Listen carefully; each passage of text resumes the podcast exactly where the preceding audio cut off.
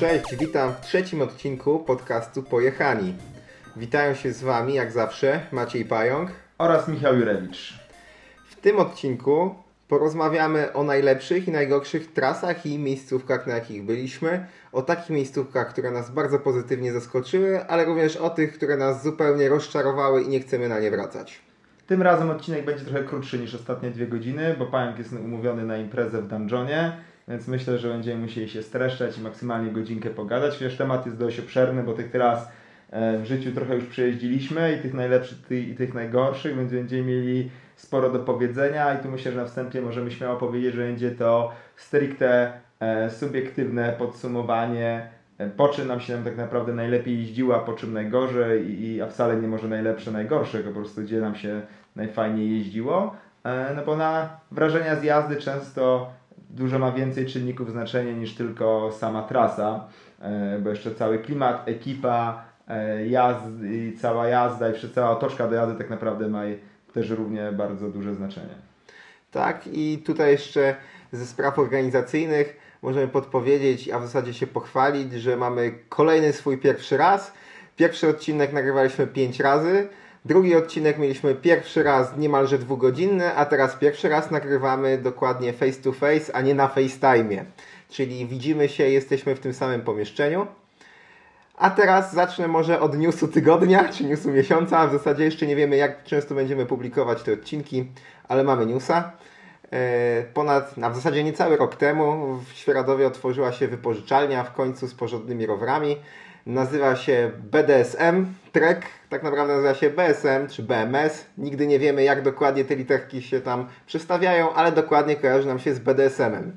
Więc dlatego Michał powiedział, że idę na imprezę do Dungeona, bo oni po niecałym roku działalności w końcu uznali, że mogą się oficjalnie otworzyć i wyprawić na tą cześć imprezę. A jak wiadomo, dla Kamila, który kiedyś z nami pracował, a teraz pracuje w Dungeonie, każda okazja jest dobra, żeby imprezować. Więc stąd ta impreza. Mam nadzieję, że będzie przyjemnie. Może z kimś z Was się tam także spotkam. Skórę i cekiny już z szafy wyciągnąłeś? Oczywiście, mam jeszcze page przygotowany. Okej, okay, czyli w następnym odcinku relacja z imprezy w BDSM-ie. Dokładnie tak. A teraz możemy przejść już do tematu. No to mam taką regułę tutaj do zaproponowania. E, trzeba będzie zaraz podjąć oczywiście decyzję, czy zaczynamy od najlepszych, od najgorszych, ale jak będziemy wymieniać miejscówki, to może od razu mówmy w jaki sposób namierzyliśmy daną miejscówkę, skąd nie wiedzieliśmy jak się tam znaleźliśmy mhm. e, oraz jak już tam byliśmy na miejscu, w jaki sposób znaleźliśmy trasy, po jakich tam sobie no, jeździliśmy. I co? Wymieniamy się po jednej miejscówce? No. Taki ping-pong odbijamy? Tak, to zrobimy dobry, dobry ping-pong. To co? Od najlepszych czy od najgorszych? Może zacznijmy od najlepszych, bo to takie mało, mało emocjonalne będzie, tak, a jak zakończymy najgorszymi, takimi ciekawszymi tematami, to myślę, że zostawi to po odcinku trochę więcej emocji wśród słuchaczy. Przynajmniej mam taką nadzieję, że, e, że tak będzie. Okej, okay, to ja się przyznam, że nie mam jakiegoś wielkiego klucza co do tras, miejsc, bo jedne miejsca, które sobie wypisałem, to są w ogóle jedna pojedyncza trasa, drugie miejsca to są zupełnie jakieś regiony, trzecie to w ogóle pasma górskie, więc, więc nie mam żadnej konkretnej tutaj mm, żadnego konkretnego schematu, ale myślę, że to chyba nie ma większego znaczenia. U mnie jest dokładnie tak samo. Pomieszane z poplątanym. Po prostu to, co pamiętałem z głowy, gdzie mi się fajnie jeździło i co tak naprawdę, jak mnie ktoś pyta, gdzie pojechać, to co, to, co zazwyczaj polecam e, oraz potem to, czego nie polecam, bez jakiegoś specjalnego klucza, ale myślę właśnie za każdym razem będziemy sobie przypominać, w jaki sposób w ogóle trafiliśmy w dane, w dane miejsce. Okej, okay, to po jednej w takim razie miejscówce zaczynaj. Okej, okay, ja zaczynam. To zaczynam od najlepszych z najlepszych. Numer jeden. Myślę, że nikogo to jakoś, co mnie zna, nie zaskoczy, bo jako numer jeden wymienię e, bardzo dobrze znany mi Świeradów. Po ostatniej trasie e, 6 razy wysoki grzbiet. Jak ktoś nie słuchał pierwszego odcinka, to e, jak najbardziej odsyłam do pierwszego odcinka, gdzie była relacja z tej, z tej wycieczki. E, tym bardziej mi utwierdziła w przekonaniu, że Świeradów ze swoimi bardzo trudnymi zjazdami enduro, plus siecią single tracków pod smrekiem, plus zajęcznikiem, który sam sobie stanowi w ogóle odrębną klasę, odrębną jakość. No po prostu na całym świecie a już na pewno w Europie, w tych miejscówkach, które znam, no nie ma sobie, nie ma sobie równych. Mówisz o zajęczniku w kontekście single tracka, czy o zajęczniku jako magicznej górze, na której jest każda możliwa niemalże trasa, jaką sobie zapragniesz? Mówię o zajęczniku jako całej magicznej górze, czyli tym takim małym, małym masywiku górskim, e, gdzie można się zarówno przygotować pojazdy po singlach, pierwsze kroki zrobić w MTB oraz przygotować się do technicznych sekcji w Alpach i można tam znaleźć absolutnie wszystko. Okej, okay. to co, teraz moja kolej, czy nie? Miałeś jeszcze powiedzieć, jak znalazłeś, chociaż to pytanie tutaj jest lekko nieadekwatne do miejsca, w którym mieszkasz. Zasada jest zasadą, przestrzegajmy jej, więc jak znalazłem, to po prostu pierwszy komunijny rower z ekipą, jaki miałem, y, każdy miał taki swój pierwszy komunijny y, górę, ale wepchaliśmy na najbliższą górę. Akurat wtedy to była Kopa Czerniawska, ale już na, za drugim razem był to zajęcznik i po prostu zjeżdżaliśmy i tak poznawaliśmy trasę. Po prostu przez miejsce urodzenia i, i w mieszkanie w, w obycie się w danym, w danym miejscu. Okej. Okay. Ja jeszcze zaproponuję kolejną zasadę, że jeżeli wymienimy jakąś miejscówkę, którą razem mamy na liście, to już kolejny raz jej oczywiście nie powtarzamy. Dokładnie. Dobra, to teraz moja kolej. Ja pierwszą miejscówkę, którą tutaj mam, niekoniecznie dlatego, że jest najlepsza, po prostu pierwsza się wpisała, to są rechlebskie ścieżki. I te rechlebskie ścieżki przede wszystkim dlatego, że są świetnie przygotowane. Mówię tu najbardziej i najbardziej mam tu na myśli trasę Superflow, która no, została okrzyknięta swego czasu jako jedną z trzech najlepszych flow traili na świecie, z czym ja się zgadzam, bo naprawdę jest to świetnie przygotowana trasa. Oprócz tego jest na przykład kolejna Velryba, czyli taka bardzo kamienista trasa, a niekoniecznie bardzo trudna, ale bardzo ciekawa. E, no w zeszłym roku testowałem, jeździłem sobie Belixem, który był troszkę pośrodku niczego, bo był równolegle do Welryby, ale, ale zupełnie jeszcze nie miał tak naprawdę początku. Wiem, że w tym roku to się zmieniło, ale jest, jeszcze niestety nie byłem. Ale tak naprawdę te chleby były takim równolegle do single tracków pod Srekiem, pierwszym w okolicy przynajmniej moich, mojej okolicy, Mm, otwartą siecią tras. Zaczęło się oczywiście od trudniejszych tras tam. Superflow to była taka pierwsza, łatwiejsza trasa, którą zrobili chyba, z tego co kojarzę i która przysporzyła mi największej popularności.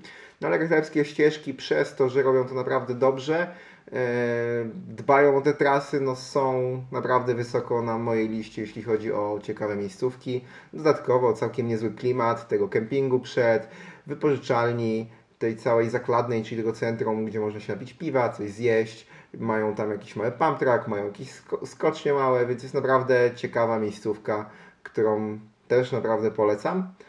I od razu odpowiadając na pytanie, jak to znalazłem, Szczerze mówiąc, pierwszy raz jak tam byłem, to było to po którejś zawodach Enduro Trophy, które prawdopodobnie było na Śnieżniku i po prostu cała ekipa tam jechała chyba pierwszy raz na chlebskie ścieżki. I pamiętam, że to był po prostu taki mini zlot y, EMTB Forum, który, który odbywał się dzień po zawodach.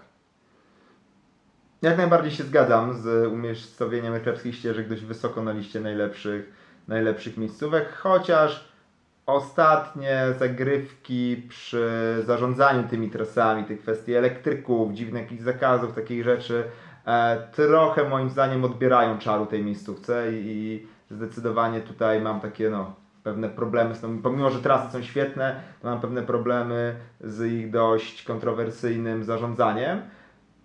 Ale jak najbardziej się zgadzam, że trasy stanowią klasę samą, e, samą w sobie. E, ja jeszcze tylko powiem, jak ja znalazłem rychlebskie ścieżki, bo nie było to dokładnie na tym e, samym wyjeździe, co, co ty.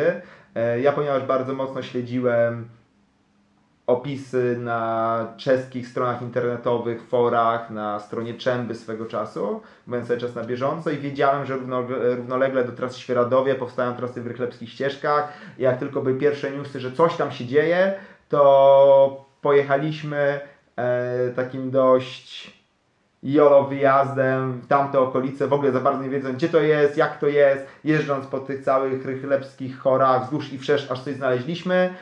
Po całym dniu jazdy w końcu udało się znaleźć kawałek Wisnera, obczaić tam 500 metrów e, tego podjazdu po kładkach, potem którejś z tych mamrowego czy innego tam mamrota kawałek sobie zjechać, ale już wtedy namierzyliśmy i rzeczywiście to stanowiło e, super nową jakość, jakość wtedy i od tamtej od tamtej pory, jak tam się tylko coś nowego pojawiało, to jechaliśmy, chociaż przyznaję, że z powodu tego zarządzania i trochę, że ten czar mi tam lekko prys, to ostatnie dwa lata mnie tam nie było. Chociaż jak najbardziej zgadzam się z tym, że trasy są naprawdę super.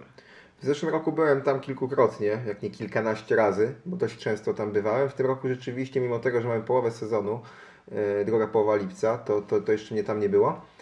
A w kontekście tego zarządzania, to myślę, że tu możemy trochę wyjaśnić, o co dokładnie chodzi. Na początku zeszłego sezonu na chlebach pojawiły się tabliczki, na których był przekreślony elektryk z podpisem, że e, under 50, czyli poniżej 50 roku życia, nie są mile widziane elektryki, co z naszej perspektywy wydawało się bardzo dziwne, ponieważ no, posiadając czy zarządzając miejscówką rowerową, Mm, ograni ograniczanie jakiegokolwiek ruchu rowerowego no jest bardzo dziwne, to jest raz. Dwa, że w kontekście elektryków, które no, chociażby w prawie unijnym są po prostu rowerami, to jest trochę tak, jakby zakazać nagle jazdy w różowych skarpetkach w czwartek po tej trasie. No, dokładnie tak samo jest to uzasadnione moim zdaniem. Oczywiście zarządcy tych tras uzasadniali to Mm, z użyciem tych tras, czy, czy, czy, czy jakimś hamstwem po prostu ludzi, ludzi na elektrykach, którzy spychali niby e, tych wolniejszych na podjeździe, no ale trochę mi się to nie składa. Przede wszystkim e, zużycie tras największe znaczenie ma moim zdaniem nie to, czy podjeżdżamy nawet elektrykiem, który finalnie nie zużywa mocniej tras, bo nawet dotarliśmy do badań Imbit Race Solution w zeszłym roku, które zupełnie obalają ten mit to uważam, że beznadziejne hamowanie, skidowanie w bandach czy skidowanie przed zakrętami najbardziej niższe trasy, więc myślę, że całą parę i całe zaangażowanie można by było poświęcić właśnie na dobrą kampanię a propos porządnemu hamowaniu.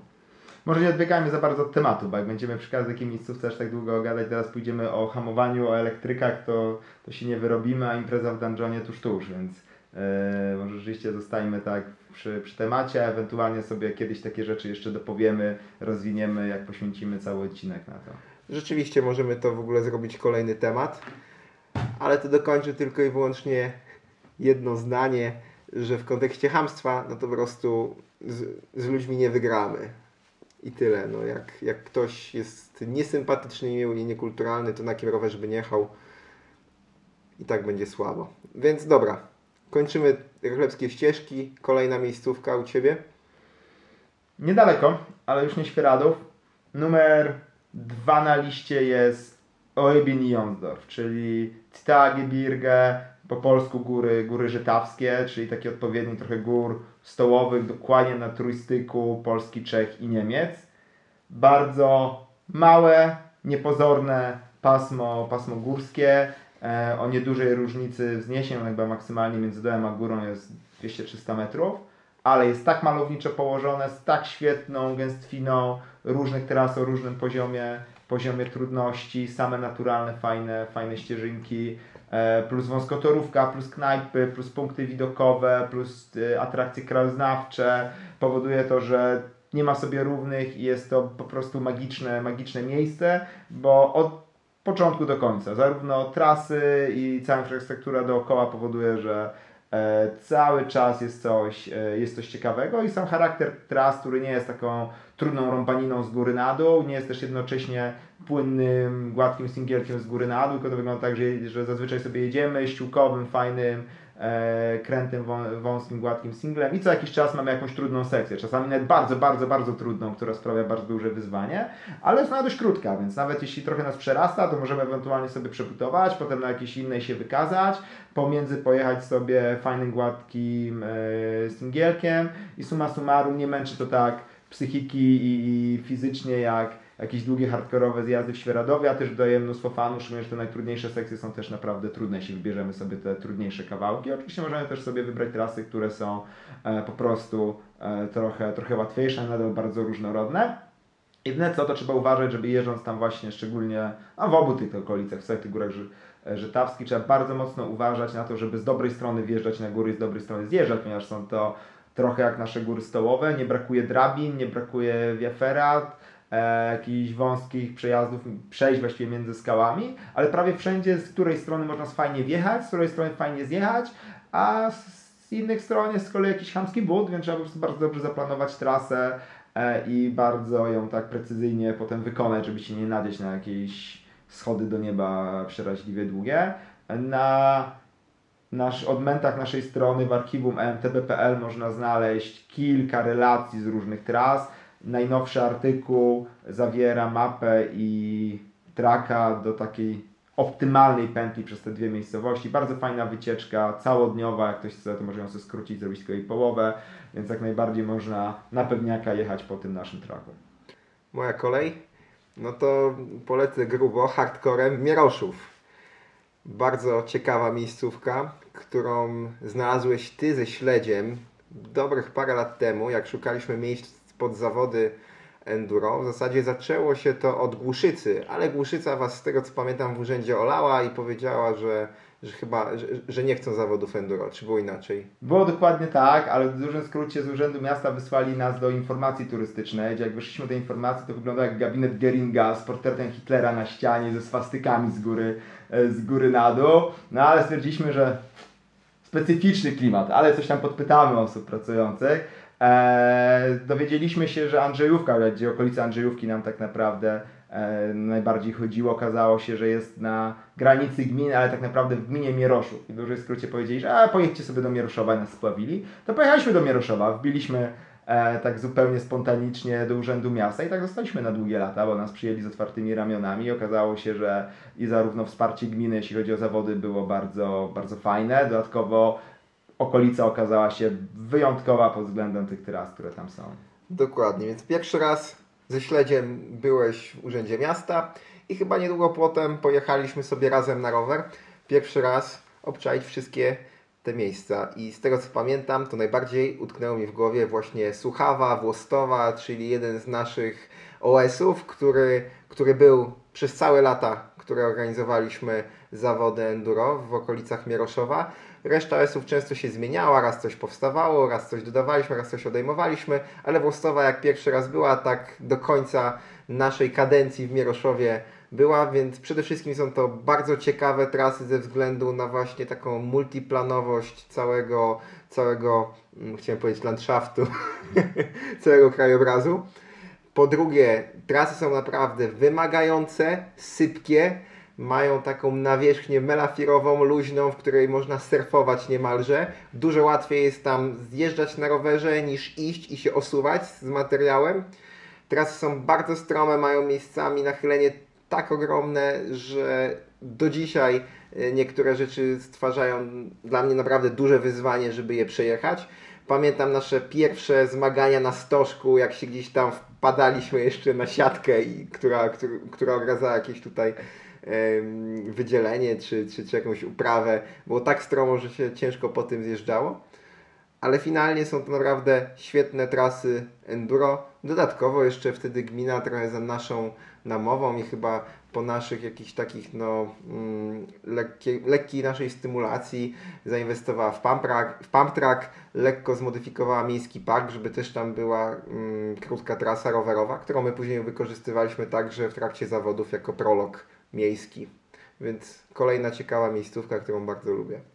I jeszcze wrócę do tego Oebinionsdorfu, bo mnie pamięć nie, upomniałeś, że zapomniałem powiedzieć, jak je znalazłem, jak znalazłem te miejscówki. A rzeczywiście. E, tutaj zapomniałem o tym powiedzieć, a znalazłem tak na lenia, bo po prostu Michał, mieszkający obecnie w Citał, którego oczywiście pozdrawiamy, jeśli nas słucha, swego czasu zaproponował, żebym do niego przyjechał i pokazał fajne tra fajne traski. Było to na początku działalności MTBPL, czyli 2007-2008 rok. Pomimo, że wtedy tak naprawdę dość niefortunnie wybraliśmy tą trasę z mnóstwem schodów i jakichś dziwnych podejść po skałach, to tak czy siak teren zauroczył już potem i razem właśnie z Michałem i też samemu eksplorowałem tam te rejony i tak już tam zostałem stałym, stałym bywalcem. Tu, w tym wypadku zdecydowanie z polecenia. Ok, czyli mamy teraz polecenia. Mieroszów był przez przypadek, bo tak nas tam wysłali z biura Geringa. A tak naprawdę trudno powiedzieć przez przypadek. No, gmina Mieroszów zadbała o to, żebyśmy tam, żebyśmy tam zostali. Jakby też nas gdzieś spławili na, spławi, spławiliby nas, to pewnie byśmy tam nie zostali. A że nas przyjęli, opowiedzieli trochę o tych swoich rejonach. Pamiętam, że dali bardzo fajne takie materiały e, turystyczne, foldery, mapy, gdzie tak naprawdę też wiedzieliśmy czego się spodziewać, że są jakieś wiaty i tak dalej, i tak dalej. e, no, po prostu potrafili nas zaciekawić tym, tym rejonem i rzeczywiście zaciekawieni go eksplorowaliśmy. No to już taka dygresja. Pamiętam, że e, niejaki Sebastian, który wtedy pracował w urzędzie mm, gminy i nas przyjmował i później był też odpowiedzialny za te zawody. Po paru latach się przyznał, że jak pierwszy raz tam do niego wpadliśmy, to był lekko szokowany i trochę nie dowierzał, że taka banda dzieciaków będzie tu jakieś zawody robić. No ale zaufali i się, i się udało. No. Rzeczywiście, rzeczywiście było fajnie. No i to odróżnia od dobrych ludzi w dobrym miejscu, w przeciwieństwie do doświadczenia w Głuszycy, na którym można powiedzieć się trochę sfrajerowali. Do... Kolejna miejscówka u Ciebie? A, u Ciebie był Mieroszów, u mnie kolejny też był Mieroszów, dokładnie, się tutaj dobrze zsynchronizowaliśmy. E, kolejną tak naprawdę miejscówką ma znowu niedaleko, z Szklarską, ze swoimi trasami e, dostępnymi z pociągów, które wykorzystujemy, jeśli ktoś był na naszych szkoleniach zjeżdża enduro, e, no to część tych tras poznał, ale nie są to oczywiście wszystkie dostępne trasy.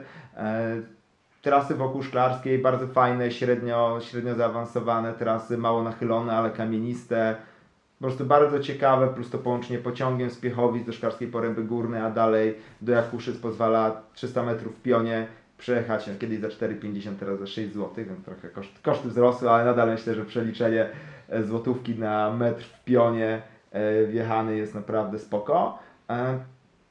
E, nic tylko, tylko jeździć, można naprawdę sobie fajnie 3-4 razy w ciągu dnia pozjeżdżać za każdym razem inną trasą, fajne widoki, fajne trasy, jak poznałem, jak znalazłem, no trochę jak Świeradów, no. Mieszkam blisko przez wyjeżdżenie, jeździło się, z każdy krzak się oglądało i teraz się tak naprawdę zna każdą kombinację, każdą kombinację tras. I tutaj od razu powiem, że Szklarska ze swoimi trasami pociągowymi jest moim takim ostatnim tutaj lokalnym, e, no, lokalną pozycją na, na liście. I ja będę tutaj no, gotowy przejść do takich bardziej wyjazdowych, wakacyjnych tematów, że jakby często na przykład, no okej, okay, no tutaj jest najlepiej, tutaj, tutaj u nas, ale gdzie by sobie gdzieś pojechać dalej, żeby coś pozwiedzać, więc jak coś już będę powoli gotowy wtedy do opowiadania o takich wakacyjnych, wyjazdowych. Jak to u Ciebie wygląda? Też już wszystkie kolejne miejscówki mam wyjazdowe, ale mam zapisane Sudety jako, jako całe pasmo, bo tutaj uważam, że mieszkamy naprawdę na tak ciekawym miejscu i w tak dobrym położeniu, że mamy okazję właśnie jeździć w Sieradowie, w Szklarskiej, potem w kierunku na przykład Karpacza, Lubawki, następnie właśnie Mieroszów i znowu w kierunku gdzieś tam Śnieżnika. Mamy naprawdę mnóstwo miejsc i moglibyśmy myślę tutaj o samych Sudetach zrobić taką top ten Sudetów i, i, i tak by było ciężko wybrać najciekawsze miejscówki.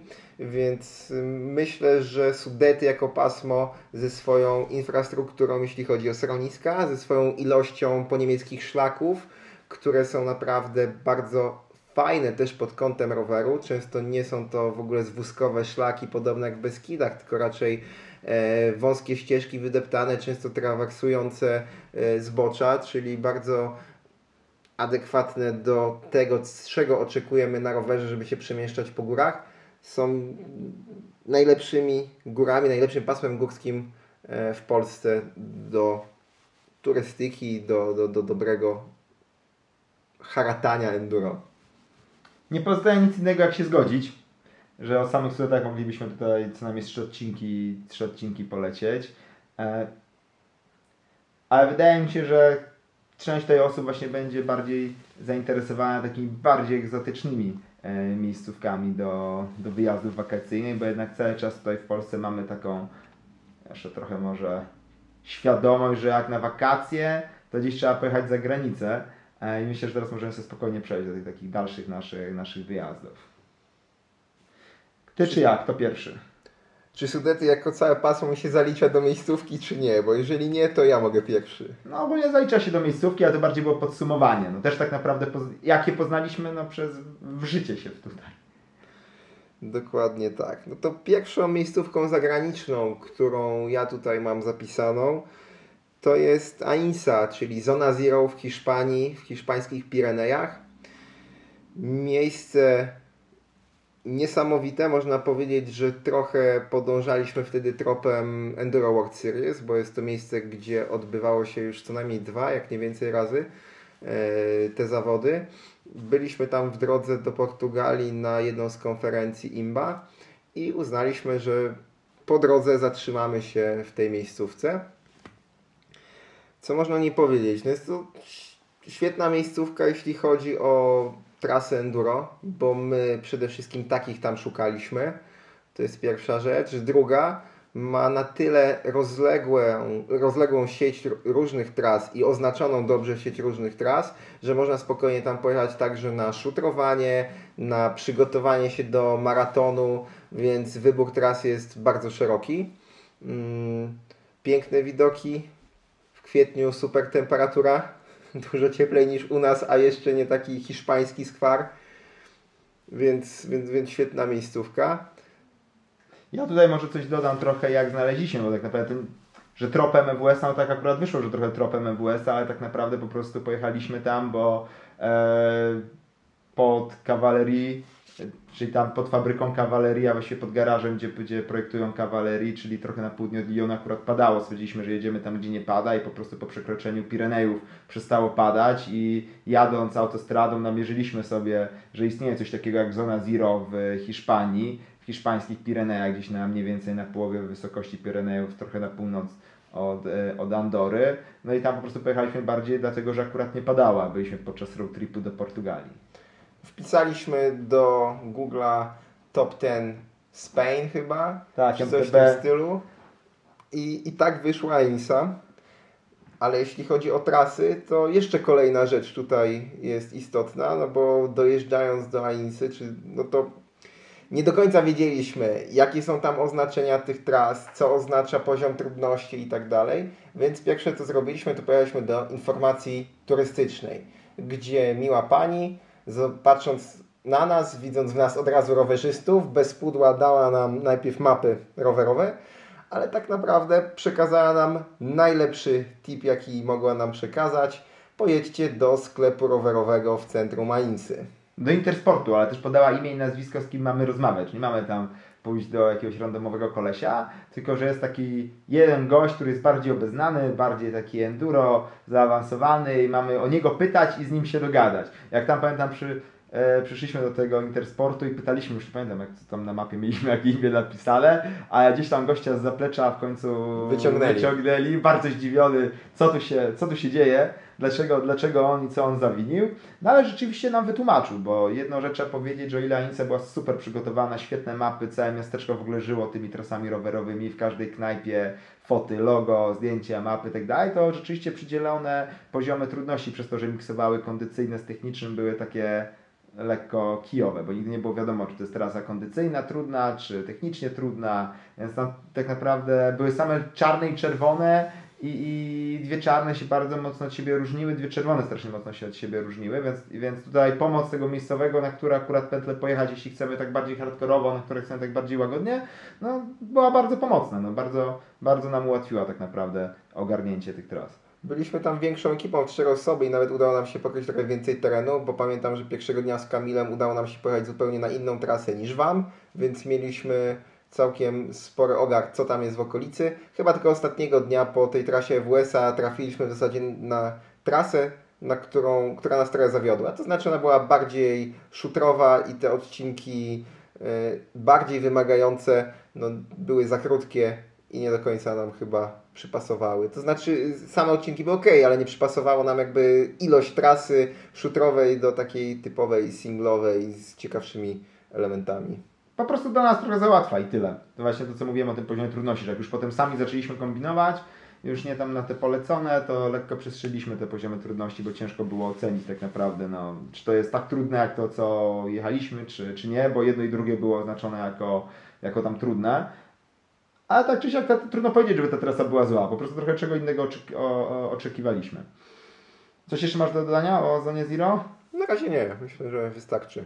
To był mój numer dwa na liście, więc sobie już odznaczyłem, że już był, był powiedziane. Mój numer dwa w takiej ogólnej, prywatnej liście, czyli, bo numer jeden to są Sudety, wszystkie miejscówki, które wcześniej wymieniliśmy tak naprawdę to, to były Sudety i poza Sudetami najlepsze miejsce, w jakim byłem do jazdy na rowerze, jako taki wię, większy rejon, no to jest, to jest Izrael. Od już kilku lat, prawie co roku udaje mi się tam pojechać. E, wczesną lub późniejszą wiosną, trochę przed sezonem, żeby się rozjeździć.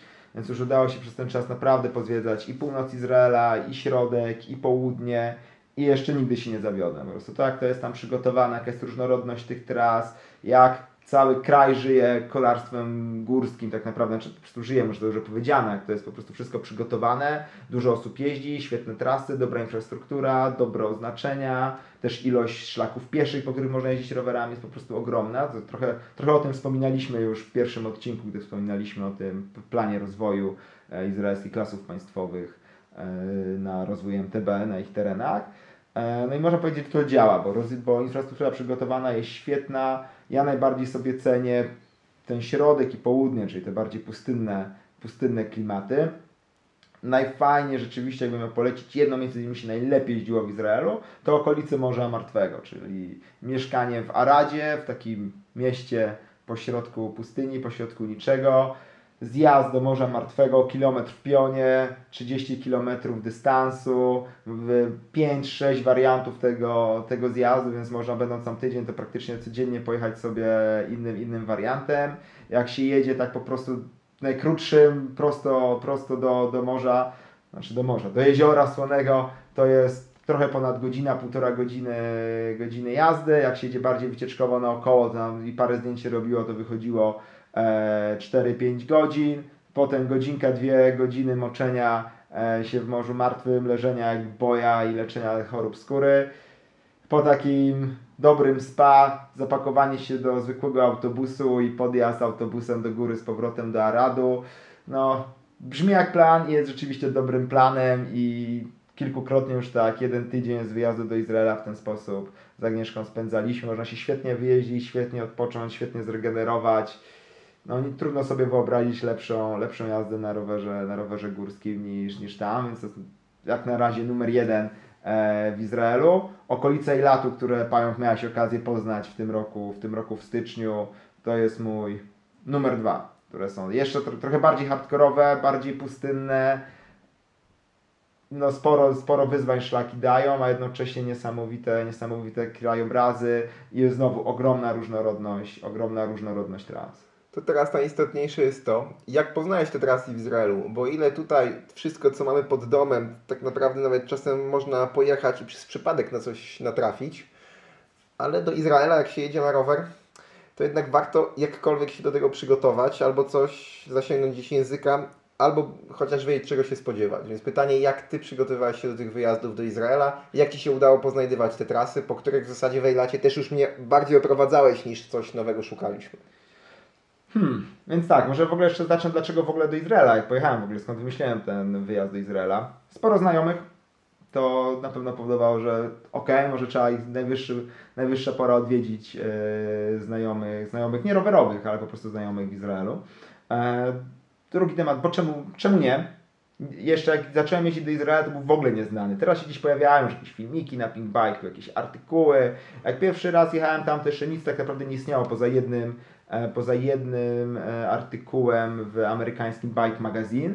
Rzeczywiście coś tam gdzieś znalazłem i wyglądało to całkiem nieźle, ale mnie przede wszystkim zawsze kuszą te miejscówki takie nieznane, które nie są typowymi szlagierami kolarstwa górskiego, do którego wszyscy jeżdżą, bo te szlagiery zazwyczaj okazują się totalnym kapciem, to się okaże, jak oczywiście przejdziemy do najgorszych tras, ale będąc tu przy najlepszych, to zazwyczaj gdzie mi się najlepiej jeździ, na tych właśnie mniej znanych albo w ogóle nieznanych miejscówkach, na które się okazują, że bardzo pozytywnie zaskakuje, tak było z Izraelem, no bo stwierdziłem, że a, zaryzykuję, wygląda, wygląda ciekawie, pustynia, brzmi jak plan, pojadę.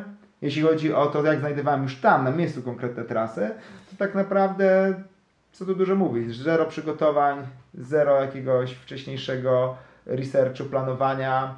Jed, yy, będąc w pracując w branży MTB, po prostu będąc rowerzystą górskim, to się należy do czegoś takiego, co jest nazywane bardzo często International Runners Guild, więc po prostu zapytałem znajomego, czy nie zna kogoś w Izraelu, ten znajomy zapytał kolejnego znajomego, a znajomy znajomego kolejnego znajomego i tak się skontaktowałem przed pierwszym wyjazdem z Talem Rozowem, który prowadzi Saba Bike.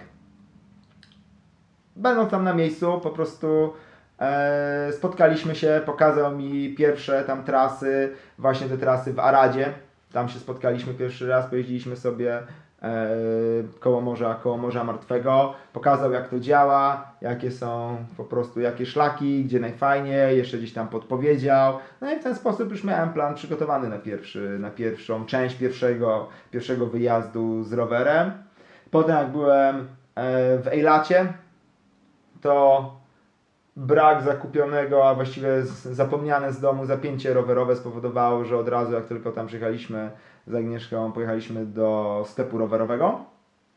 W sklepie rowerowym kupiłem zapięcie, a potem zapytałem, gdzie warto pojeździć, co, yy, gdzie mają jakieś fajne trasy. Okazało się, że następnego dnia o 5 rano spotykają się na dworcu i wjeżdżają autobusami na górę yy, na Ramon. Wadi Raham. Ramon to jest to, a to jest chyba Raham jest ta, ta, ta trasa. Y, Będą zjeżdżać Wadi Raham, e, no to brzmi jak plan. No. Następnego dnia o 5 rano spotkaliśmy się z ekipą na, na ichniejszym PKS-ie, wypiliśmy po kawie, zapchaliśmy się do autobusu, wysiedliśmy, zjechaliśmy niesamowitą, niesamowitą trasą, też bardzo długa, chyba 600 metrów w pionie, ile dobrze, o ile dobrze pamiętam. No, dobre dwie godziny, dwie godziny fajnego, fajnego zjazdu pustynnego, e, o bardzo, bardzo różnorodnego. Niektóre fragmenty trudniejsze, niektóre, niektóre łatwiejsze. E, typowo rower, typowo no, może nie jest to wybudowana rowerowa trasa, ale już przez to, że była dużo jeżdżona, miała dużo rowerowych feature'ów, tu jakiś drop, tu jakiś taki profil wyjeżdżany, bardzo fajnie się potem jeździło. Po zakończonej tej pierwszej wycieczce znowu w tym samym sklepie e, rowerowym, gdzieś tam jeszcze przekazali parę, parę trików, parę uwag, gdzie tu sobie można dalej pojeździć i w ten sposób się udało zebrać jakąś tam wiedzę. W tym roku powtórzyliśmy tą samą operację, do tego samego sklepu zajechaliśmy, były inne osoby. Tym razem udało się wymienić profilem na, na strawie, więc mieliśmy dostęp, jako już super znajomi gościa na strawie, mieliśmy dostęp do jego tras, który jeździ na, który jeździ na co dzień. To co tu dużo chcieć, no jak się jest i ma się dostęp do historii jazd Lokalesa z ostatnich pięciu lat, no to będąc turystą można jeździć i jeździć i jeździć i tras do jeżdżenia nie, e, nie zabraknie. I to jest metoda znajdywania tras, którą teraz bardzo często tak naprawdę praktykuję. Znaleźć lokalnego gościa, rowerzystę, polubić się na strawie, zobaczyć potem jego historię i tak naprawdę jeździć to, co, to, co lokalesi jeżdżą, no bo to jest najlepszy, najlepszy rodzaj jazdy.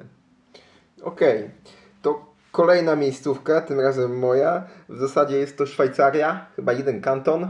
I są to trzy miejscówki, które mieliśmy okazję wspólnie odwiedzić podczas y, pierwszej konferencji, na której byliśmy. Gdzieś przy okazji, to, to, to nie była Imba Summit, tylko to była konferencja pierwsza chyba IOMTB Ingu, prawda?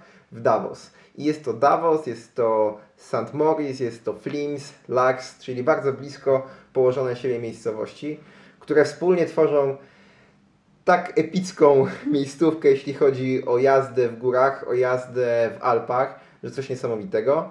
Pierwszego dnia pamiętam, byliśmy tam e, w Davos na górze Picza. Długi podjazd przez jakąś ogromną przełęcz wysoką, następnie jeszcze wyżej na, na, na szczyt. Po prostu świetny alpejski zjazd z dużą ilością kamieni, z superspozycją, ze świetnymi widokami. W St. Moritz używaliśmy wyciągu i po prostu po kilkukrotnym wjechaniu wyciągiem na najwyższą górę w okolicy mieliśmy ją po prostu przejechaną z każdej strony. Była tam, był tam i trail, jakiś, jakiś taki trail zbudowany, Corvilla Trail się nazywało, to był taki flow trail. Mieliśmy tam przejechane różne takie szlaki piesze, które były także dopuszczone do, do, do rower, ro, dla rowerzystów i były to świetne po prostu alpejskie szlaki. Byliśmy gdzie? We Flims i w i tam były i trasy budowane, takie specjalne pod rowerzystów. Były tam także trasy bardziej naturalne, ale przede wszystkim wtedy tego nie odwiedziliśmy. Wy to odwiedziliście ze dwa albo trzy lata później. E, Slick Rock, czyli odsłonięta skała e, cofniętego lodowca i wyrysowane trasy na, e, na skalę. To może trochę opowiedzieć o tych trasach, a ja dokończę jeszcze, jak tam poznawaliśmy te trasy. E, Ja tu może trochę przeskoczę z tematu na temat, bo ten wyjazd do e, Szwajcarii na tą konferencję, gdzie poznawaliśmy te trasy, o których przed chwilą wspomniałeś w tych miejscowościach, też pokazuje, że cała ta atmosfera, nie tylko trasa ma tak naprawdę znaczenie na nasze wrażenia z jazdy. Trochę tu się wrócę do Izraela, o którym sobie przed chwilą mówiłem, bo rzeczywiście w Izraelu oprócz tras to cały klimat, gościnność ludzka i taka przyjaźń z każdej strony powoduje, że te wrażenia, pozytywne wrażenia z wyjazdu tam są jeszcze większe. Tak samo w Szwajcarii było to, że jak był na przykład fajny przewodnik, na przykład Picza, tak naprawdę to poza epickimi widokami nie była jakaś, no, chyba nie powinniśmy tak mówić, to yy, słowo epickie trzeba uważać na nie, bo to nie o to, nie o to chodzi. Poza zapierającymi dech w piersiach widokami, e, nie była jakaś wspaniała, bo tak naprawdę hamsko pałowała w dół, ale przez to, że mieliśmy bardzo fajnego przewodnika, który pozwolił na początku na polsko-francuską rywalizację na podjeździe. Dokładnie. Którą Julian, Julian do dzisiaj wspomina. Potem, jak pozwolił się nam przewodnik z sobą pościgać, więc wiesz, to e, ta picza zrobiła super wrażenie, bo tu się hamulce spaliły, ogień starczy, tu wyścig, tu się łyda spaliła, więc tutaj dużo było takiego nawet nie na jakiejś super świetnej trasie, dużo było po prostu bardzo fajnej atmosfery, więc tutaj myślę, że to miało bardzo duże znaczenie. I na tym samym wyjeździe pamiętaj, że byliśmy w Lanzerheide, gdzie e, tereny wyglądały jeszcze lepiej, ale w momencie, gdy przewodnik chce Cię zabić zanudzając na trasie, a potem w knajpie chcą Cię zabić, szkło dodając do, do spaghetti, to pomimo, że trasy i teren były naprawdę świetne, to wrażenia są raczej negatywne, bo właśnie zauważyłem, że jak wymieniałeś te miejscowości, w których byliśmy, to Lanzerheide zupełnie wykreśliłeś z pamięci. Lanzerheide sobie dokładnie przypomniałem jeszcze przed tym, jak Ty o nim powiedziałeś, po prostu, po prostu o nim zapomniałem, ale często pamiętam zupełnie po prostu przy innych przykładach, ale tak czy siak, no, wszystkie te trasy były tam tak czy siak były dobre i ciężko mówić, że to jakby tylko i wyłącznie atmosfera tam zrobiła robotę. Raczej tutaj chciałem powiedzieć, że to było miejsce, które w zasadzie w tych miejscach zupełnie nie planowaliśmy sami tras. To były wyjazdy z przewodnikiem, bo przez to, że byliśmy na konferencji, byliśmy na dodatkowym, rozszerzonym programie właśnie, żeby jeszcze pozwiedzać te wszystkie miejscówki, no to mieliśmy świetnie przygotowany program, każda trasa była z lokalnym przewodnikiem i tak jak powiedziałeś, jeden z tych trzech, czy trzech chyba przewodników, których mieliśmy, no był rzeczywiście beznadziejny, w sumie czterech było, bo był w Davos był inny, w Lanceheide był ten beznadziejny, potem Fla, y, y, Flims i Lux był taki ten nie za wysoki, co mega skakał na tych stolikach tak. i jeszcze w St. Moritz był też inny. Tak, mieliśmy za, czterech, zalegry. Tak, mieliśmy czterech przewodników, w tym jeden nam bardzo nie przypasował, e, cała reszta była świetna. A jeden był super świetny, ten pierwszy. To prawda. Michael, Michael był, Michael był, był niesamowity. Więc, więc, więc to było świetne. Więc zgodnie z y, dewizą IOMTB Ingo, że świetna jazda zaczyna się ze świetnym przewodnikiem. Tutaj pod tym się rzeczywiście w 100% podpisuję bo to jest kolejny dobry sposób na to, żeby znaleźć świetne trasy, zaufać po prostu lokalnemu przewodnikowi.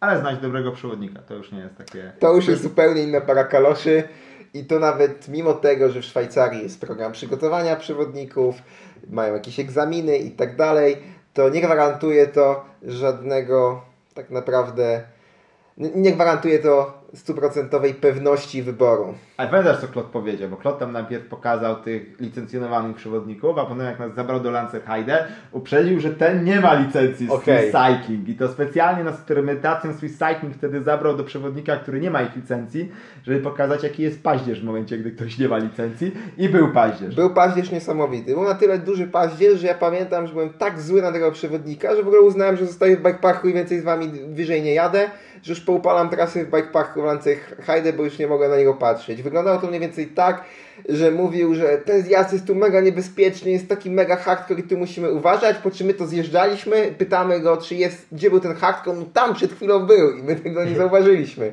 I finalnie to był przewodnik, który chyba miał ileś tam mocnych wypadków i dokładnie wiemy, dlaczego miał te wypadki. Po prostu tak ograniczał swoich klientów, tak próbował ich spowalniać, że oni prędzej czy później zrywając się z takiej smyczy, musieli w końcu widzidować. Tak, bo to było tak, że rzeczywiście kazał sobie cały czas jechać ze sobą, dwa na godzinę, po jakichś banalnie łatwych, e, łatwych trasach. Człowiek tylko wnerwiał, że właściwie wisi cały czas na heblach zamiast jechać.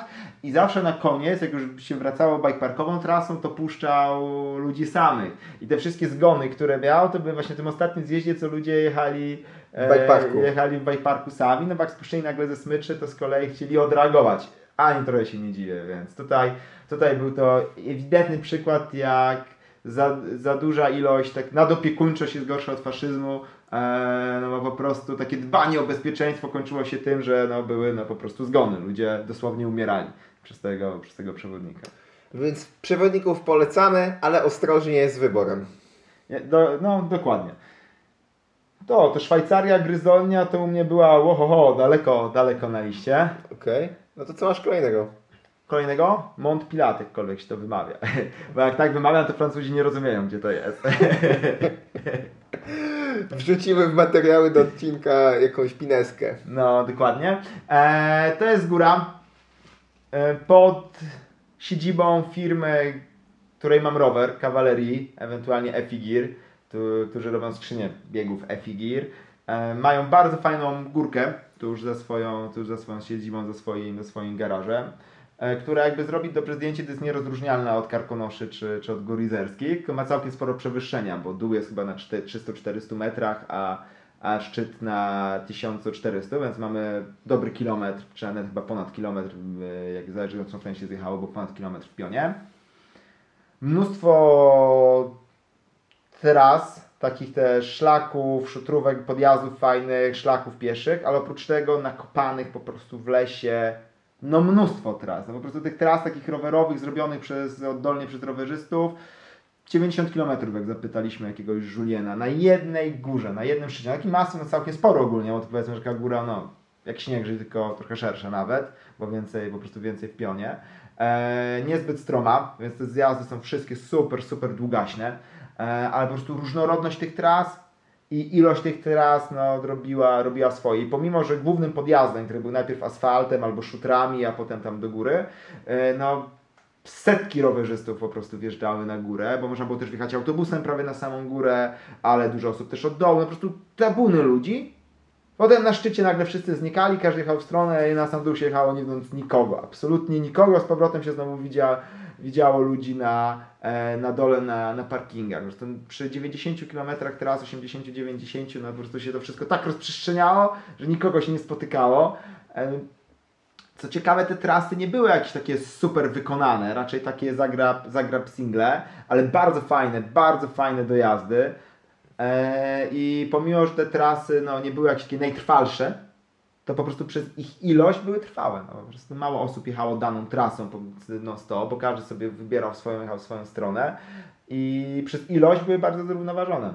Nie, nie było widać jakichś po prostu problemów z ich zniszczeniem, yy, spływaniem czy cokolwiek. Po prostu się bardzo dobrze, bardzo dobrze trzymały. Świetna jazda, takie prawdziwe, dla mnie prawdziwe MTB, że po prostu górska ścieżka bez jakiegoś tutaj nie wiadomo, jakiego szerokiej budowy, nadbudowywania czy coś, bardzo surowy, po prostu taki leśny, leśny klimat. Fajne były takie sektory, że była ewidentnie jedna część góry taka bardziej gdzie były jakieś kosmiczne francuskie road gapy, przeloty, no po prostu kosmos, jakie, jakie, jakie trasy. Druga część była taka sobie bardziej lightowa, lajcikowa, część taka typowe row enduro. Eee, były takie właśnie na tej górze ewidentne sektory, że tam jakaś taka ekipa bardziej fredowa z jednej strony, bardziej enduro z drugiej strony. W każdym razie ilość nie do przejeżdżenia. Trzeba byłoby tam jeździć, jeździć, jeździć i jeździć i naprawdę bardzo, bardzo fajnie, fajnie pojeździć.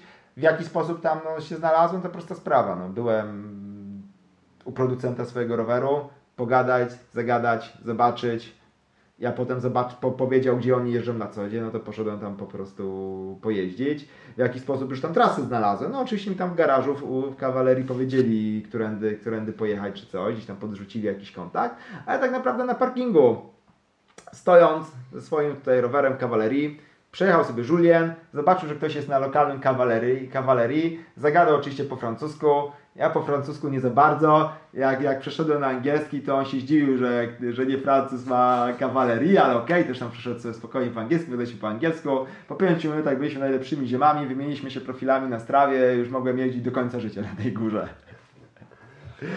Więc, e, jest, poza tym, że często tam pada, naprawdę świetna miejscowa i nie jest aż tak daleko pod ten Lyon dojechać, zdecydowanie warto to, e, warto to odwiedzić. tylko rzeczywiście trzeba mieć tutaj traki miejscowego, bo te trasy są trochę skitrane w krzakach, trochę, trochę trzeba uważać nawigacyjnie, ale jak się już wie gdzie jechać, jedzie się po traku, to idzie to, idzie to poznajdywać i naprawdę się fajnie jeździ. Jak często pada, to pewnie się czujesz jak w domu, jak w Świeradowie. Trochę tak, trochę tak. Okej, to kolejna miejscówka moja. Pewnie Cię nie zaskoczę, ale jest to Elstra. I jest to moim zdaniem w zasadzie, no, w dalszym ciągu uważam, że to najlepiej wykonany bike park, na jakim byłem. Mimo tego, że trasy są krótkie i że jest to na górze, która ma 100 metrów w pionie, wyjeżdża się orczykiem, co dla większości osób na początek wywołuje straszne zdziwienie i wielkie oczy. To finalnie podjazd jest bardzo krótki tym orczykiem, bo trwa parę minut, a trasy w dół są naprawdę świetnie przygotowane. Jest, są tam cztery bardzo różnorodne trasy. Załóżmy, że trasę DH pomijam, bo rzeczywiście ona chyba była najsłabsza ze wszystkich, była po prostu taką dzidą w dół, bez większych wodotrysków.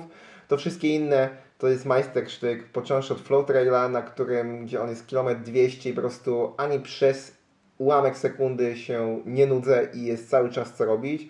Przez jump line, gdzie są wielkie stoliki, które w końcu nie trzeba na nich zwalniać, nie trzeba ich tłumić wystarczy po prostu, trzeba się nawet na nich wybijać, żeby je przelatywać, więc mają po, kilka, po kilkanaście dobrych metrów te najdłuższe i, i są wysokie dropy, które też stanowiły, pamiętam, wyzwanie na początku i, i parę razy do nich trzeba było podejść, zanim się je skoczyło.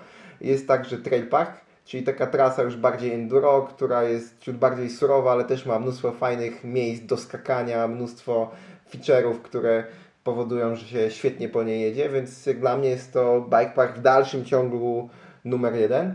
A jak to znalazłem? No, znalazłem to dlatego, że Ty mnie tam zabrałeś, ale dlatego Ty mnie tam zabrałeś, bo znowu niejaki Michał Stitał, który pokazał Ci Obin, czyli Citałek Gebirge, dokładnie polecił y, Ci tą miejscówkę. Pojechałeś z nimi z Agnieszką najpierw na pierwszą, y, pierwszy rekonesans, pierwszą wizytę, przyjechałeś zachwycony, co było bardzo dla mnie zadziwiające, no bo jak to Michał Bajpachnią się podniecił, to znaczy, że musi być to coś ciekawego. I potem zaczęliśmy tam jeździć już razem. I tak to, tak to wyszło. Więc to jest kolejna miejscówka po prostu z polecenia. No tak, jak najbardziej. E, trzeba przyznać, że Michał Stitam, którego ponownie tutaj pozdrawiam, jest ewidentnie naszym agentem od znajdywania ciekawych, ciekawych miejscówek jemu można zaufać, jeśli mówi, że coś jest, że coś jest dobre i można śmiało tam, śmiało tam jechać. E, Elstra niezła, ale pamiętam jedną ciekawą rzecz, że nie powiedział, że na początku jak mówisz, tam jedziemy, nie powiedział, że to jest Orczyk. że specjalnie z prezydencją ukrył ten, ukrył ten fakt, bo, bo wiedział, że jest dość e, kontrowersyjny. I przyznam, też miałem takie, ło, co tu się dzieje, Orczyk. Ale po pierwszym wjeździe stwierdziłem, że to najlepsza metoda wjazdu rowerem na górę, bo nawet, nawet jadąc wyciągiem pod górę nie trzeba przestawać jechać na rowerze. To prawda. Można tak na... No w zasadzie nie trzeba siadać z roweru to jest fajne. Nie trzeba go odwieszać. Chociaż niektórzy kto, mm, ludzie bardzo nie lubią okczyka. Pamiętam, że narzekali na jacyś znajomi, którzy nie do końca potrafili go dobrze wsadzić pod tyłek, że jak już był wsadzony gdzieś pod siodło, to zaczynała ta, ta, ta, ta belka rezać kierownicę, gdzieś ją tam niszczyć. No więc jakby na pewno ma jakieś minusy i nie wszyscy będą tak bardzo zakochani w tym okczyku jak my.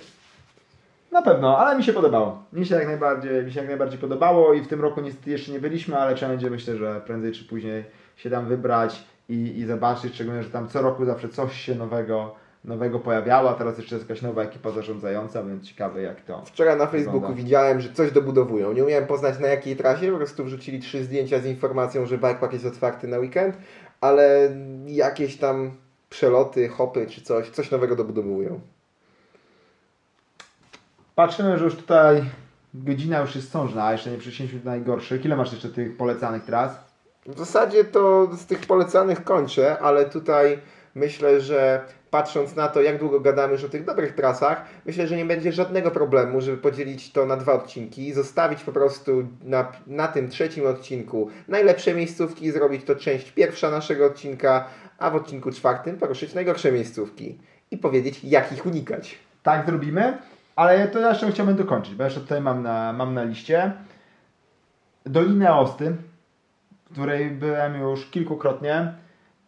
Jest to o tyle wyjątkowe miejsce, że można tam zrobić najwięcej przewyższenia w Europie, bo chyba z tam, nie wiem, mam takie wrażenie, że to jest najdłuższy, znaczy największy pod kątem przewyższenia podjazd i, i potem zjazd e, tam dostępny, bo można zacząć sobie na około 500 metrach, wjechać na 3300, gdzie na 3000 autentycznie wjechać, tylko ostatnie 300 wbudować, no i potem zjechać z powrotem na 500 e, na niejakiego Lastona, Col du Lasson, czy, czy jakkolwiek tam to się wymawia, pisze.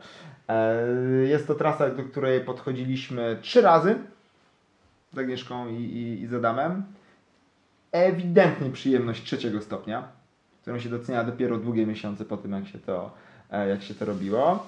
E, Ale to nie tylko, ale Osta to nie tylko to, bo oprócz tej jednej mega hardkorowej wyrypy jest tam mnóstwo fajnych tras i to, co odróżnia moim zdaniem Aostę, czyli mon, włoską stronę Monte Bianco, e, jest to, że po pierwsze są bardzo wysoko, bardzo fajnie wjeżdżalne podjazdy. Że nie ma praktycznie jakiegoś chamskiego butowania pod górę, a zjazdy nie walą switchbackami non-stop, tylko są trochę dłuższe trawersy, czasami jest trochę stromiej, ale no nie ma tych, tych, tych takiego wrednego kręcenia przez godzinę lewo, prawo, lewo, prawo, lewo, prawo, dwa na godzinę, za którą po prostu najnormalniej w świecie nie przepadam.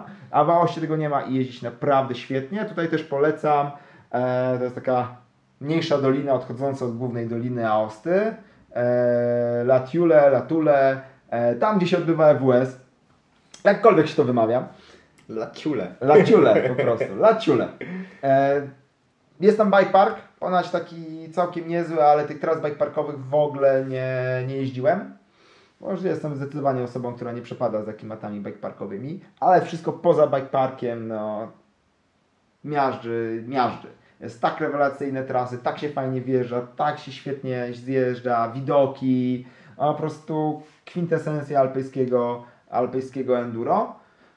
Zdecydowanie warto to odwiedzić i trzeba przyznać, że w momencie jak się 4 godziny podjeżdża i nagle się wyjeżdża i się widzi całe tutaj ścianę Monte Bianco przed sobą z lodowcami, z tymi rzekami yy, zielonymi spływających z lodowców, no to sama, e, same widoki są, są tego warte, a przy tym trasa jest naprawdę, naprawdę świetna. Pamiętam, że jak właśnie wyjechaliśmy z Agnieszką na tą przełęcz i nagle nam się ten Monte Bianco przed nami pojawiło, to wzbudziło taki respekt, że nawet pierwsze dwa zakręty zbutowałem z tej, z tej przełęczy.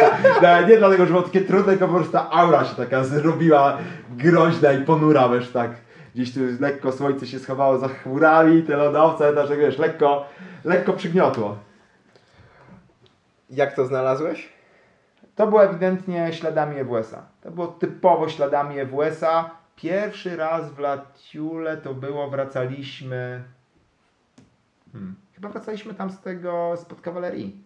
Wracaliśmy z tego Montpilat. I tak zastanawialiśmy się, czy zostać jeszcze te dwa dni dłużej w tym Montpilat, czy przeskoczyć gdzieś sobie. Stwierdziliśmy, kurde, no jest tu świetnie, ale dobra, przeskoczmy, no z obowiązku, żeby coś sobie innego zobaczyć. I te latiule w ogóle już kiedyś tam przyjeżdżając, po prostu w ogóle jadą gdziekolwiek jeszcze gdzieś indziej, już tak patrząc na boki, że o, zajebiście wygląda, bardzo fajnie. Eee, wiedzieliśmy, że warto tam zajechać. Zajechaliśmy po tym, jak, bo to jeszcze było, namierzyliśmy, że tam wygląda fajnie na oko, jeszcze zanim w ogóle jakieś WS-y się nam odbywały. Potem jak się zaczęły tam odbywać WS-y, to było, o, to tam, gdzie myśleliśmy, że będzie fajnie, że warto zajechać. No i potem śladami, e, śladami EWS-a pojechaliśmy właśnie, właśnie tam. Myślę, że te miejscówki pewnie jeszcze byś mógł dość długo wymieniać, które są godne polecenia. Czy już skończyłeś może? Tak naprawdę nie. Tak naprawdę miałem tylko wspomnieć o górze pod Madrytem, która była bardzo fajna. Guadarrama. O, właśnie, Gadarama, która mam nadzieję, że ona była parkiem narodowym, ale legalną do jazdy na rowerze. Potem tam były jakieś zagrywki, że miała być nielegalna, ale chyba Imba Spain to, to broniła, więc nadal jest legalna do, do jazdy. Zdecydowanie fajna, fajna sprawa. Szczególnie, że myślę, że łatwo dostępna z lotniska. Tak. No to, to jest na pewno mega super, bo loty do Madrytu tania jak barszcz, to bardzo bliziutko, że ten Madryt to było widać z tej Guadaramy na wyciągnięcie, na wyciągnięcie ręki, więc tam było bardzo fajne. No jeszcze miałem tak naprawdę jako ciekawostkę Japonię, która może jako takiej jazdy super enduro nie jest, nie, nie jest najlepsza, bo oczywiście infrastruktura turystyczna górska raczej jest dekady z tyłu za, za nami, więc to nie jest tak świetnie. Mimo tego chciałeś ją polecać? Bo krajoznawcza jest bardzo fajna i przede wszystkim jak ktoś nie chce takiej jazdy enduro, tylko tak bardziej e, shooterki, asfalty, to przez przystosowanie do życia w biegu, czy po prostu przez tą całą infrastrukturę e, konbini, knajp, restauracji, że wszędzie jest kibel, wszędzie jest prysznic, wszędzie jest ciepłe jedzenie, nawet na zapadłej dziurze o, o 23 można coś ciepłego zjeść w jakimś 7-Eleven. Powoduje, że bardzo fajnie się zwiedza, bardzo komfortowo. Więc do takich trekkingów czy do kolarstwa górskiego, ale takiego asfalto-szuterkowego zwiedzania nie ma sobie równych. Enduro, takie bardziej no, MTB hardkorowe w takim stylu przygodowym. To Po prostu nagle przez krzaki e, o północy, bo się zabłodziło i się 8 godzin dłużej jeździło niż się miało jeździć. Też ma, też ma to swój klimat, więc uważam, że, że całkiem fajnie, ale jeśli na, jeśli na grube klimaty to zdecydowanie przygodowo, nie napalać na jakieś świetne, świetne trasy, a jeśli tak szuterkowo, asfaltowo dla widoków, to naprawdę, naprawdę świetnie, natomiast po prostu komfortowe do przemieszczania się, komfortowe do, do zwiedzania. Okej.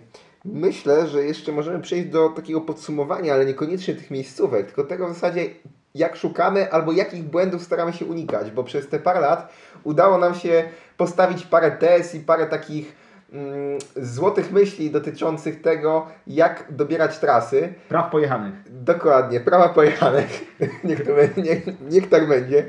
Więc pierwsze prawo pojechanych jest takie, że jak przyjeżdżamy do nowego miejsca i widzimy najwyższą górę w okolicy, to nie jedziemy na najwyższą górę w okolicy i z niej nie próbujemy zjeżdżać, bo to bankowo skończy się butowaniem do góry i prawdopodobnie jeszcze butowaniem w dół. No chyba, że jest to pewniak, polecony, że mamy to namierzone i tak dalej, to wtedy można. Ale jeśli nie mamy tego namierzonego i nie istnieje to na jakiś Trifoxie czymkolwiek, najprawdopodobniej nic tam sensownego nie ma. Bo jeśli jest jakikolwiek sensowny zjazd z najwyższej góry, to on jest przez wszystkich znany. A jeśli nic nie ma, nie jest to pewniak, to tak naprawdę nie ma sensu tam jechać. Zdecydowanie unikać wjeżdżania na najwyższą górę w okolicy i zjeżdżania z niej. Z pewnością nasz kolega Adam z ekipy zupełnie by się z nami nie zgodził, bo to dla niego była podstawa każdego wyjazdu, że zawsze w okolicy trzeba jechać na najwyższą górę. Ale on jest właśnie osobą, dzięki której to prawo ustaliliśmy, żeby tak nie robić. Dokładnie, dokładnie tak, bo w paru innych miejscach, gdzie pojechaliśmy bez Adama i chociaż raz spróbowaliśmy zastosować prawo, znaczy założenia Adama, żeby pojechać na najwyższą górę, zawsze się to źle kończyło. Chociażby w Ejlacie, gdzie musieliśmy dra- po drabinie znosić rowery, więc to jest pierwsze nasze prawo, prawo pojechanych. Mamy także drugie, że rower jest efektywny dopóki jedzie. I mamy tu na myśli przede wszystkim to, żeby próbować dobierać i składać trasy tak i je planować, żeby jak najwięcej móc jechać w siodle, czy po prostu podjeżdżać, przemieszczać się rowerem, a nie nosić rower. Zdecydowanie lepiej jest pojechać naprawdę fest naokoło, ale jednak jechać, niż gdzieś butować i jakąś przeprawówę robić, bo zaoszczędzimy mnóstwo sił, zaoszczędzimy mnóstwo, mnóstwo czasu, nawet jeśli nadrobimy trochę, trochę tych kilometrów. I to też parę razy zdarzyło nam się sprawdzić. Mi chociażby na jakiejś wycieczce nad Gardę, ale nie w te północne części, które są mekką rowerzystów, tylko eksplorowałem kiedyś okolice miejscowości Sole na południowym zachodzie. Ostatni tak naprawdę kraniec tam gór. I tam pamiętam, że wziąłem mojego znajomego Tomka Niedźwieckiego i on w połowie góry mnie zapytał, czy to jest jakiś inny sport noszenie roweru. bardzo był niezadowolony, pamiętam, że miał ochotę mnie rozszarpać. Teraz oczywiście wspomina to bardzo, bardzo dobrze, bo to właśnie była mniej więcej trzecia, e, to był trzeci stopień przyjemności, ale, ale pamiętam, że był bardzo zły, że musi cały czas nosić rower, bo oprócz tego, że wniósł rower, to także go zniósł. Ja zjechałem, ale dla niego to nie była dobra trasa. Trzecie prawo pojechanych, zawsze znaleźć lokalesa i zagadać. Tutaj zdecydowanie ułatwia ciekawy rower. Ja przyznaję, że to jest tak, że się zatrzymam, popatrzę w lewo i zaraz już jest jakiś rowerzysta, że coś tam zagada. O, jaki amor, o, jaki tam rower i tak dalej. E, To zawsze łatwiej jest na, nawiązać, e, nawiązać kontakt, ale myślę, że ze zwykłym rowerem po prostu trzeba trochę samemu bardziej, bardziej zagadać, popytać, co tam heja i tak dalej. E, Znaleźć, znaleźć miejscowego, zagadać, umówić się może na jazdę, a jak nie, to zapytać, gdzie jechać, wymienić się profilami na strawie. Nawet jeśli się nie korzysta, to warto tak jak ja. W ogóle tam nic nie wrzucam, nic tam nie korzystam, ale mam tylko na takie okazje, jak trzeba gdzieś pojechać i się wymienić, żeby kogoś potem śledzić i jeździć po czyichś, e, po czyichś śladach. Dzięki Więc- temu, że ty masz strawę, to ja nie muszę. no, na to, na to wygląda. Jeśli nie możemy znaleźć nigdzie żadnego Juliana na parkingu, to najlepiej się udać do rowerowego, jakiegoś znaleźć sobie gdzieś na internetach taki bardziej e, górski, MTB rowerowy, gdzie mają jakieś tam, nie wiem, ciekawe, ciekawe sprzęty, to zazwyczaj też są tam ciekawi ludzie, gdzieś się przemieszczają, bo nawet jeśli nie za ladą, to, e, to może akurat będzie ktoś ciekawy tam wchodził i wtedy zagadać coś się, coś się dowiemy. Dowiemy się, czy na przykład są jakieś stałe ustawki, bo jeśli to są trochę większe miasta, tak jak na przykład w Ejlacie, zawsze, zawsze w sobotę rano, nie, w piątek rano to było, tak jak w Kyoto, też o trzeciej w nocy e, wyjeżdżaliśmy z lokalną, z lokalną ekipą, e, więc to też jest zawsze dobre. Rowerowy to jest zawsze dobra, dobra brama do poznania e, po prostu e, lokalne środowisko rowerowe, więc myślę, że może nie warto kupować wszystkiego w internecie, żeby te sklepy rowerowe się utrzymywały, bo gdzie my potem będziemy e, dowiadywać się o lokalnych trasach? To będziesz musiał teraz zmienić przyzwyczajenia, bo ile ja czasem się pojawiam w zwykłym stacjonarnym sklepie, to ty chyba przez ostatnie kilka lat w ogóle się nie pojawiłeś, pomijając oczywiście swoje wyjazdy zagraniczne. Mm, No jak najbardziej, ale wypożyczania są zawsze jeszcze deską, deską ratunku. Kolejną dobrą rzeczą, jeżeli są, to na przykład przewodnik w cudzysłowie drukowany.